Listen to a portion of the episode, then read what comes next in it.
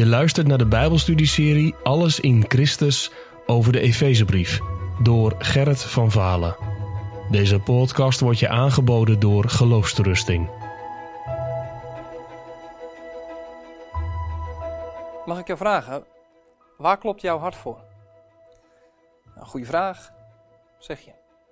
Hoe kun je weten waar je hart voor klopt? Nou, misschien is dit wel een goede test dat je kijkt waar bid je voor en hoe bid je. Want ik denk dat je gebed toont waar je hart voor klopt. Paulus die is ook aan het bidden. En hij doet dat heel vaak in Efeze. Hij bidt als het ware hardop, zodat wij mee kunnen kijken, ja, beter gezegd, mee kunnen luisteren. Zodat wij een kijkje in zijn hart kunnen nemen. Waarvoor bidt Paulus dan? Paulus die bidt voor de Efeziërs. Hij bidt voor zijn medegelovigen en voor hun geestelijk welzijn. Hij doet voorbeden. Tegelijkertijd is dat ook een mooie spiegel voor ons. Zijn onze gebeden gevuld met eigen verlangens, met dingen voor onszelf te vragen? Of zijn we daarin ook bezig met anderen om die tot aan Gods genadetroon te brengen in ons gebed?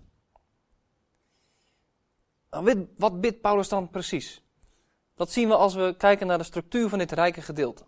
Allereerst zien we een introductie. Paulus die begint zijn gebed voordat hij begint met een aantal opmerkingen. Vervolgens zien we het gebed zelf. Vier kernachtige verzoeken.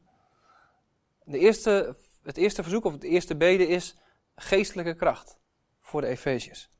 Tweede verzoek is om erkenning van Jezus heerschappij in hun leven.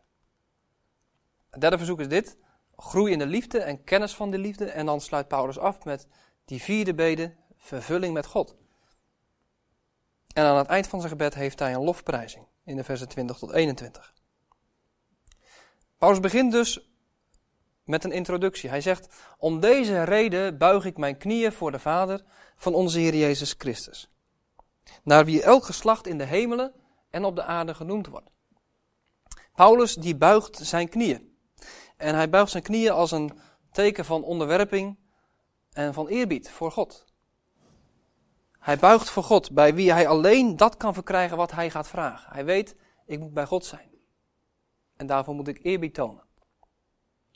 En hij noemt God de Vader.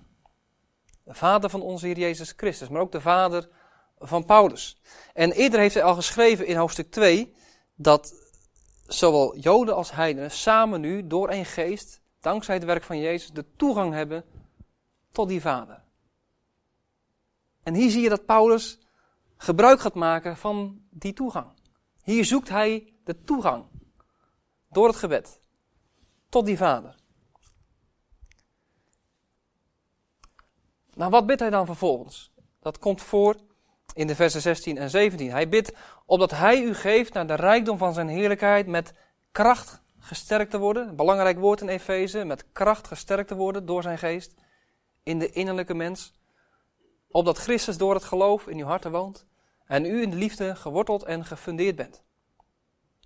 Dat is wat Paulus met name bidt. En we zien hier de eerste bede, het eerste verzoek in het prachtige gebed van Paulus opdat hij u geeft naar de rijkdom van zijn heerlijkheid met kracht gesterkt te worden.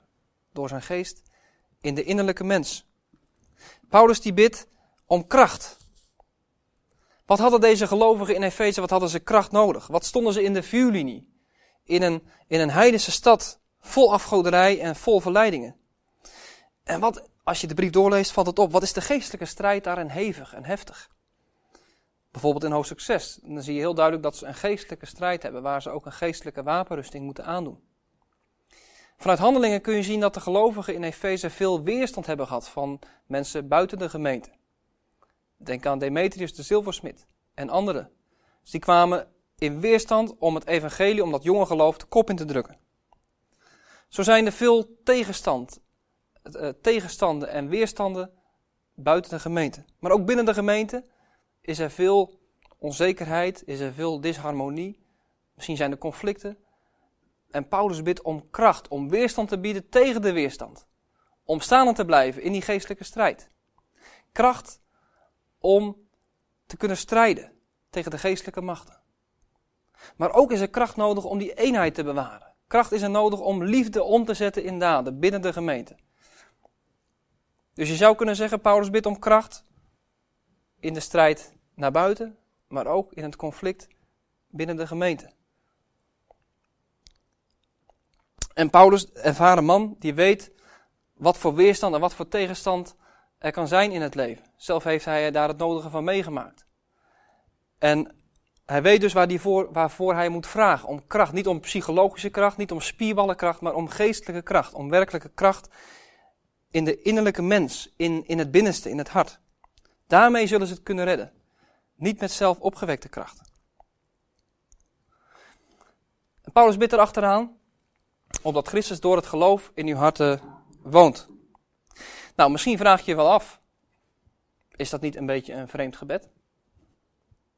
Christus woonde toch al in het hart van de Efeziërs, in het hart van gelovigen.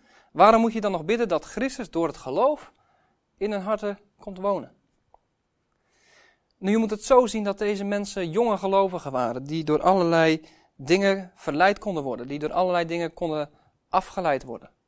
En in hun jonge geloof gingen zij vaak achter andere dingen aan en stelden ze daar hun vertrouwen op. En daardoor raakte Christus hun Heer en Meester op de achtergrond. Als je het vergelijkt met het beeld van een huis, kun je zeggen dat Jezus niet meer in het centrum van het huis was. Maar dat hij ergens in de kelder was opgeborgen. Of dat hij op zolder onder het stof stond. En nu bidt Paulus, Heer God wilt dit zo maken dat Christus weer werkelijk in het centrum van hun bestaan komt. Dat hij weer werkelijk Heer en Meester is. Dat hij weer werkelijk aan het roer van hun leven staat wilt u geven dat ze weer komen tot de erkenning van de heerschappij van Jezus. Jezus als Heer in hun leven. Ook in jouw leven. De derde bede die Paulus dan erachter aanbidt, is dit. Om groeiende liefde en kennis van die liefde. Want je kunt je voorstellen, als de liefde zelf in je hart woont, als die daar de hoogste plaats inneemt, de centrale plek. Jezus, de liefde dat je dan ook kan gaan groeien in de liefde. Daarom bidt Paulus opdat u in de liefde geworteld en gefundeerd bent. Denk aan een boom die zijn wortels uitslaat in de grond. Zo mogen ook de gelovigen hun wortels uitslaan in de liefde. En vanuit die liefde krijgen ze ook sappen van die liefde. En dragen ze ook vruchten. Liefdevruchten. En dan, als je dat ziet, als je Jezus als liefde in je hart hebt, als je ook zelf groeit in de liefde, als je zelf ervaren raakt in de liefde, dan kun je ook te volle begrijpen, steeds meer, wat die liefde nou werkelijk inhoudt. De fout die wij vaak maken is dat we denken dat kunnen we op onszelf. In ons eentje kunnen wij zelf bedenken hoe groot de liefde van God is. Maar Paulus zegt hier heel mooi en heel terecht, dat kunnen wij alleen begrijpen met alle heiligen. Dan pas kun je zien als je elkaar aanvult wat de breedte en de lengte en de diepte en de hoogte is. En samen met al die heiligen kun je dan zien wat de liefde van Christus werkelijk is. De liefde die de kennis te boven gaat. Is dat trouwens niet een beetje een woordspelletje van Paulus? Aan de ene kant zegt hij, ik bid dat ze de liefde begrijpen. Aan de andere kant zegt hij, de liefde gaat de kennis te boven. Nou, je moet het zo zien dat Paulus niet zegt dat de liefde onkenbaar is, maar dat het kennen van de liefde slechts een deel is van het totaal van de liefde. De liefde die zelf onmeetbaar is en oneindig hoog. Dat is wat Paulus bedoelt. En als je daarin ervaren raakt, want het is niet een kennen van het droge verstand, maar het is een kennen met het hart. Als je daarin ervaren raakt, dan ben je ook als het ware klaar voor het volgende. Dat je vervuld zou worden tot heel de volheid van God. Dat is ook het vierde verzoek van Paulus. Heren, wilt u ze vervullen met uzelf? Wilt u ze volmaken, niet van zichzelf, niet van angsten of van zorgen, maar wilt u ze vervullen met uzelf? Ja, natuurlijk ook van uw liefde en uw kracht en uw genade, uw wijsheid en alle andere dingen die ze nodig hebben. Maar dit is het belangrijkste. Wilt u ze volmaken van uzelf? Ze hebben uzelf nodig, opdat die, vervuld, opdat die vervuld zou worden tot heel de volheid van God. Nou, nou, dat is nogal wat. Vervuld tot heel de volheid van God. Paulus, vraag je dan niet, Ja, vraag je daarmee niet de hemel op aarde? Kun je dit wel vragen, Paulus? Is het niet te vrijpostig, te vrijmoedig? Is dit niet dat God alles is en in allen? Is dit niet iets voor later? Nee, toch niet. Want in vers 16 staat dat we mogen vragen overeenkomstig de rijkdom van Gods heerlijkheid. Gods rijkdom, zijn macht, zijn heerlijkheid is niet slechts voor later, maar hij is nu al een onuitputtelijke bron van oneindige goedheid. En hij wil nu al geven. Hij wil nu al datgene geven om ons geheel te vervullen.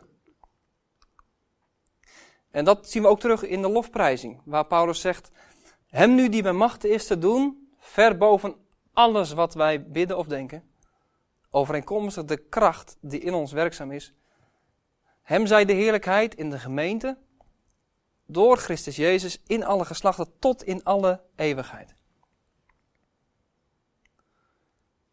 Het is mooi om te zien dat Paulus eigenlijk de brief begint met een lofprijzing. En hier aan het einde van dit eerste deel, aan het einde van hoofdstuk 3, sluit hij af met een lofprijzing. In die eerste lofprijzing dan zien we dat Paulus de loftrompet uit op wat God heeft gegeven. En hier, in deze laatste lofprijzing van het eerste deel, eert hij God voor wat hij nog gaat geven, wat hij wil en wat hij ook kan geven, wat hij bemachtigd is om te doen voor zijn kinderen. En dan staat bij overeenkomstig de kracht die in ons werkzaam is. Weer die kracht, waar Paulus het voortdurend over heeft, de sterkte en de kracht en de macht van God. Leeft die kracht ook in jou? Ja, mag je zeggen. Als Jezus door zijn geest in je woont, dan is ook die kracht in jou. Maar een misschien nog wel belangrijkere vraag is: leef jij uit die kracht? Ben je werkelijk bezig om vanuit God te leven? Besef wat mogelijk is dankzij Gods kracht. Wat Hij dan kan doen in jouw leven en door jouw leven. We zeggen wel eens: in ons is geen kracht. Geen kracht uit onszelf. En dat klinkt natuurlijk heel nederig en heel goed. Maar is dat nu werkelijk zo?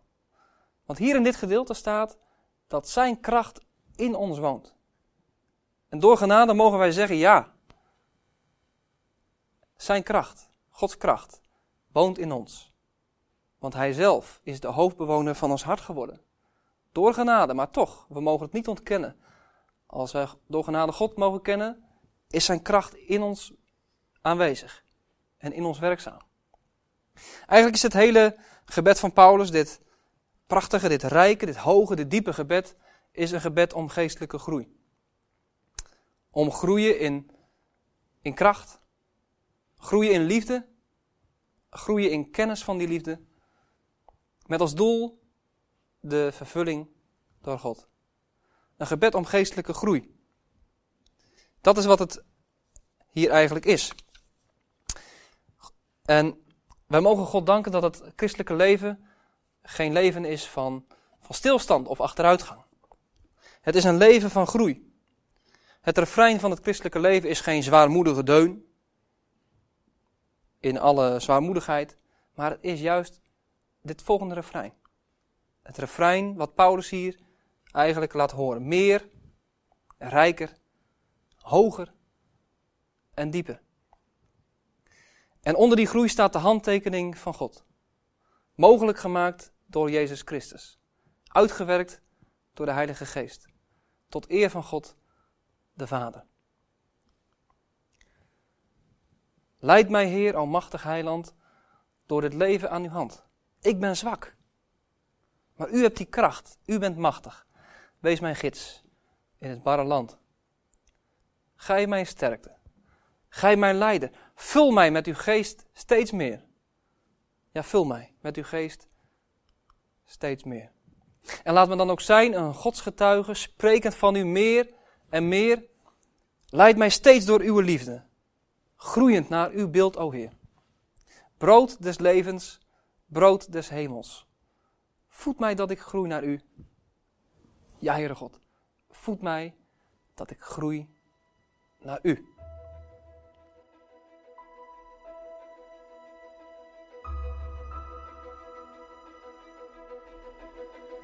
Je luisterde naar een podcast van Geloofsterusting. Wil je meer luisteren, lezen of bekijken? Steun dan onze missie en ga naar de website geloofsterusting.nl.